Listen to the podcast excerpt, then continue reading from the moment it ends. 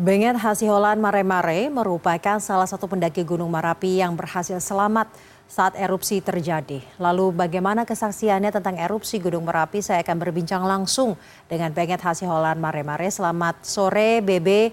BB sebelumnya kami turut prihatin atas kejadian yang menimpa Anda dan juga teman-teman Anda BB.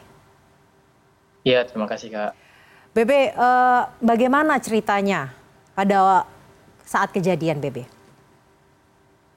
Iya, jadi uh, di tanggal 3 itu uh, dimulai dari tanggal 2 uh, eh, saya sendiri dengan kelompok saya di mana kami dari mahasiswa pecinta alam Mapala Batara Fakultas Hukum Universitas Riau di mana kami sedang mengadakan kegiatan pendakian bersama di Gunung Merapi. Nah, jadi kami memulai pendakian di tanggal 2 dan pada tanggal 3 kami melakukan summit ke puncak Gunung Merapi dimulai dari jam 6 dan kami kembali turun ke tenda di pukul 10. Dari pukul 10 sampai pukul 2 itu kami packing dan makan lalu di pukul dua kami mulai untuk turun ke bawah. Uh, kami berjalan santai uh, sekitar hampir satu jam, di mana posisi kami itu sudah di bawah pintu, uh, pintu angin. Nah, sekitar jam 3 kurang itu tiba-tiba uh, kami yang terpisah ke dalam tiga kelompok kecil dari anggota 10 orang ini, di mana saya bersama dengan dua adik saya di uh, kelompok kecil paling depan. Jadi tiba-tiba itu kami mendengar suara seperti petir Nah, ketika suara petir itu mulai, adik saya ini langsung uh, memberikan responnya dengan mengatakan pada saya, Bang, ada suara petir. Lalu yang satunya lagi menyahut, e, Bang, di atas badai ya. Nah, uh, setelah itu uh, muncul angin yang kencang sekali, seperti angin uh, akibat helikopter. Jadi adik saya ini langsung nyahut lagi, Bang, kayak ada helikopter gitu. Tapi saya tidak menyahut dari pertanyaan-pertanyaan adik saya ini karena saya sedang mendengarkan dengan sesama suara itu karena menurut saya itu bukan suara petir karena suaranya sangat mendenging di, eh, di telinga. Lalu setelah mendengarkannya langsung saya uh, berkata, ini bukan suara petir, ini erupsi, ayo cepat kita turun gitu. Nah setelah kami berlari beberapa detik, adik saya ini langsung mereka menyadari bahwa rekan-rekan kami di, masih di belakang. Jadi mereka bilang, bang gimana yang di belakang, kita susul ke belakang nggak katanya. Lalu saya bilang, enggak, nggak boleh gitu, kita harus selamatkan diri dulu baru bisa nanti menyelamatkan mereka jadi kita lanjut aja dulu sampai ke uh, pos paninjauan karena di sana ada bekas warung yang mana kita bisa be, uh, berhenti di tempat yang aman dan safety karena posisinya ketika kami itu berlari ada 10 detik setelah kami memutuskan untuk berlari tadi hujan batu. Hmm. Nah makanya saya mengajak mereka untuk berlindung di sana biar uh, safety untuk menunggu ke anggota tim yang lain. Sekitar 10 menit kami menunggu di situ, lalu akhirnya anggota tim yang lain sampai di mana kalau anggota tim kami tidak ada yang luka serius, cuma ada beberapa yang memar karena terkena lem, uh, batu dari kawah. Dari uh, pintu angin dan kemudian uh, mendengar adanya erupsi hingga ke pos paninjauan ini Anda membutuhkan waktu berapa lama, Bebe? Dari pintu angin karena kami memang uh, berlari itu seingat saya tidak sampai 15 menit uh, tidak sampai 10 menit kami berlari hmm. ke situ. Pada saat itu kondisinya sudah hujan batu berarti ya? Iya betul. Uh, waktu kami pertama mulai berlari itu di situ belum hujan batu, cuman dia uh, angin yang sangat kencang, terus uh, suara dari atas gunung itu yang awalnya suara petir terus berubah jadi seperti suara ledakan bom dan ada getaran. Di situ kami sudah langsung memutuskan berlari yang saya bilang itu erupsi. Jadi kita harus berlari dengan cepat. Itu kami sudah mulai berlari. Tidak sampai 10 detik dari kami mulai berlari itu langsung hujan batu, Kak. Baik. Uh, tadi Anda mengatakan bahwa seluruh anggota tim Anda selamat walaupun ada beberapa yang menderita luka. Jumlahnya 10 ya dari tim Anda ya, Bebe? Iya, betul, Kak. Baik, kemudian dari pos paninjauan kalian dievakuasi atau kemudian melanjutkan perjalanan hingga turun ke base camp mungkin? Uh, setelah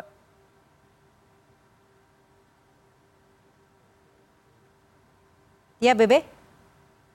Uh, jadi setelah sampai di pos peninjauan tadi, kami menunggu anggota tim yang di belakang, sekitar 10 menit kami menunggu mereka sampai. Begitu mereka sampai, kami kasih minum dulu, lalu kami langsung melanjutkan perjalanan ke bawah um, dari pos peninjauan itu sampai ke pos BKSDA kami membutuhkan waktu sekitar satu setengah jam yang mana itu sudah termasuk cepat karena kami hitungannya memang uh, lumayan berlari dan sampai pos BKSDA itu belum ada uh, tim dari uh, pihak sana yang melakukan evakuasi.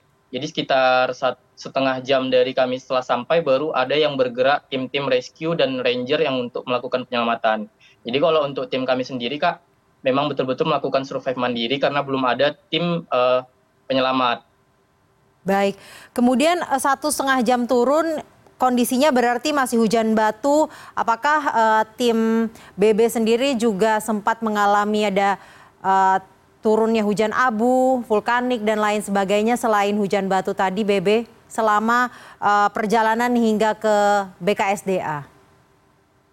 Nah, kebetulan memang waktu di jalur itu banyak yang ragu itu erupsi atau tidak buat hmm. orang-orang yang uh, baru pertama dan tidak paham ya kak karena memang betul-betul nggak ada abu dan uh, uh, apa kabut asap hasil letusan itu tidak terlihat dari jalur karena jalur itu memang betul-betul vegetasi yang udah uh, rimbun, udah padat. Dan setelah kami dibawa, kami baru bisa melihat ternyata dia memang uh, kawah eh abu abu-abu dari kawah itu dia ke arah bukan ke arah jalur. Jadi kami tidak ada sama sekali kena abu uh, dari dalam kawah. Jadi memang betul-betul hanya angin yang sangat kencang, terus hujan batu yang itu uh, cukup menyeramkan karena banyak pohon juga yang bertumbangan karena diterjang sama hujan batu tadi. Berarti hujan abu vulkanik dan juga asap ini memang tidak melewati jalur pendakian yang dilalui oleh BB dan tim ya? Iya betul Kak. Kemudian setelah sampai tadi ke BKSDA, BB mengatakan belum ada tim evakuasi ataupun tim rescue. Apakah memang tim eh, BKSDA ataupun tim rescue juga belum memastikan bahwa itu adalah uh, erupsi atau seperti apa informasi yang BB dan juga tim dapatkan pada saat tiba di BKSDA? Uh, eh, begitu kami sampai, orang-orang sudah ramai berkumpul di pos registrasi tersebut, Kak. Sudah ramai juga orang-orang dari BPBD dan tim SAR. Namun mereka belum melaksanakan, uh, belum naik ke atas, mungkin masih mengumpulkan tim dan yang lain-lain. Jadi mereka pas sudah kalau dari yang saya lihat pastinya sudah memastikan bahwa itu erupsi.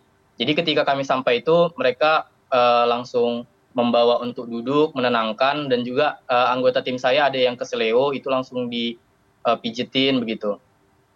Kemudian pengalaman tim uh, BB lain uh, tadi kan hanya bertiga awalnya, kemudian berarti ada tujuh orang yang di belakang kelompok kecil BB. Pengalaman mereka seperti apa? Kesaksian mereka seperti apa? Mungkin yang diceritakan kepada BB. Nah, jadi uh, ketika berkumpul itu teman-teman yang di belakang itu, saudara-saudara yang di belakang juga sempat bilang bahwa ketika hujan batu itu kan posisinya mereka lebih di atas daripada kami. Nah, jadi itu uh, hujan batunya lebih parah. Mereka itu uh, awalnya uh, karena kami posisinya bertiga itu sebagai yang paling senior di tim itu. Jadi yang dua di belakang ini pertama menenangkan adik-adik yang di, di bersama mereka. Nah, namun ketika mereka sudah menyadari itu hujan batu, jadi diinstruksikan untuk lari dan hmm. ketika lari ini mungkin karena saking paniknya mereka agak mencar. Lalu akhirnya karena melihat kondisi itu berbahaya, uh, saudara saya yang paling senior di situ juga dia langsung berlari ke depan secepat mungkin untuk mencari sebuah pohon tempat untuk mereka berlindung. Lalu dia menarik semua anggota itu untuk berlindung di bawah pohon tumbang tersebut. Jadi ada mungkin beberapa menit mereka untuk menunggu hujan batu itu biar uh, lebih reda lah, tidak batu-batu yang gede lagi yang jatuh. Hmm baru mereka melanjutkan perjalanan, Kak. Baik, saya mau menarik ke belakang terlebih dahulu karena proses evakuasi hingga ke BKSDA ini sudah dijelaskan bahwa melakukan evakuasi mandiri sesudah sampai di BKSDA kemudian baru dibantu oleh tim. Uh, eh, BB dan teman-teman ini melakukan pendakian mulai tanggal 2. Bagaimana cuaca pada saat tanggal 2 itu hingga tanggal 3 sekitar pukul 3 tiba-tiba mendengar petir. Baga cuacanya indah atau tidak, bagus atau tidak karena kan sempat sempat mencapai puncak ya, Bebe. Ya, betul, Kak. Nah, jadi di tanggal 2 itu kami uh, mulai mendaki itu di sekitar jam uh, harusnya di rencana kami jam 9 tapi jadinya molor sampai ke jam 12. Jadi kami mulai naik dan itu di uh, sekitar warung kedua itu mulai hujan sampai ke warung keempat namun kalau menurut saya pribadi karena sering naik gunung, uh, hujan di jalur itu sangat wajar. Jadi kami anggap itu biasa, lalu kami sampai ke atas itu masih hujan juga malam-malam ketika kami mendirikan tenda. Sekitar jam 6 pagi kami untuk melakukan summit itu, uh, sampai di Tugu Abel itu kabut. Kabut yang memang betul-betul parah, kabutnya memang sampai semuanya ketutupan, tidak terlihat, lapangan bola juga tidak terlihat, uh, puncak merpati juga tidak terlihat. lalu agak setengah jam dari tugu abel kami mulai lagi berjalan untuk uh, puncak merpati kabutnya hilang uh, anggota tim saya sempat uh, berfoto-foto di dekat kawah yang paling dekat ke lapangan yang mana itu kalau di hari itu kawah itu tidak ada reaksi sama sekali. Kawah yang di sebelahnya uh, itu pada hari itu cukup mengeluarkan banyak asap dibandingkan saya pernah ke Marapi di bulan Juli kemarin itu tidak sebanyak itu asapnya. Dan juga kawah yang itu agak rewel karena dia agak banyak suara-suara begitu di hari tanggal 3 pagi itu. Jadi kami di sana cukup lama dari mulai dari jam 7 sampai ke jam 10 karena kami sempat juga turun ke Taman Edelweiss untuk mengambil air Baik. dan kami juga karena kami memang kegiatan dari Mapala Batara itu uh, semacam ekspedisi kami sempatkan untuk memoto tiap-tiap bagian di puncak termasuk tiap-tiap kawahnya. Lalu kami turun ke bawah itu kabut lagi Baik, itu artinya bahwa sebenarnya sejak tanggal 2 kondisi cuaca di Gunung Marapi tidak terlalu baik ya Bebe ya? Iya betul. Baik, terima kasih. Benget Hasiholan Mare-Mare telah membagikan kisahnya bagaimana melakukan evakuasi mandiri saat erupsi Gunung Marapi terjadi. Terima kasih Bebe dan sampaikan salam kami kepada teman-teman. Ya Kak.